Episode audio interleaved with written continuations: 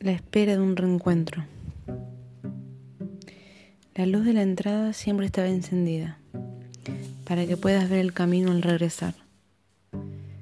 Sé que estás luchando y dando manos donde no hay pan.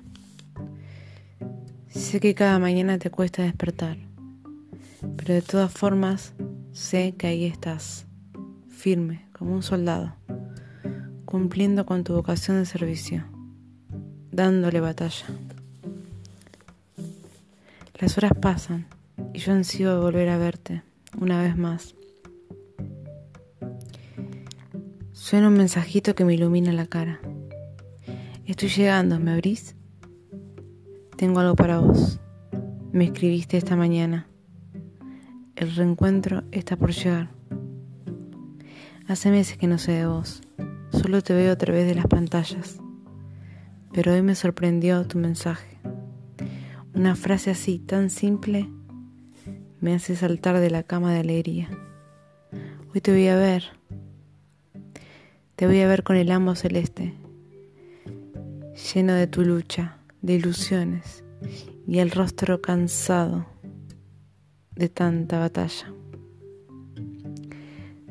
Sé que no te puedo abrazar, pero no me alcanzan las palabras para, para agradecerte tantos recuerdos vividos, tantas cosas pasamos.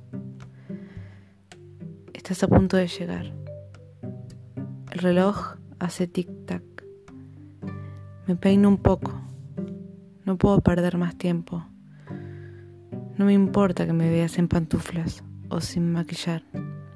No me importa que me veas mis pupilas dilatadas de la ansiedad.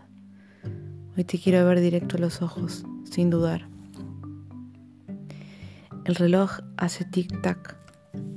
Faltan dos minutos. Ya no puedo más. Cuántas ganas de ir a buscarte a la esquina. Pero sé que hay reglas que debemos seguir. Acá estoy, ¿salís? Ese llamado me lleva a la puerta. Estoy nerviosa. Hace tanto que no te veo. ¿Cómo estás? Abro. Y el tiempo parece no pasar. Sos vos estás acá. Un luchador más. Un héroe desconocido, pero eso no importa. Porque para mí vos sos mi amigo y estás acá.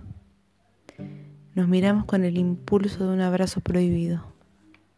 Chocamos codos y tus ojos resaltados veo tu sonrisa y espero que vos también veas la mía. Te extrañé tanto. Hoy me siento a recordar, porque recordar es volver a pasar por el corazón.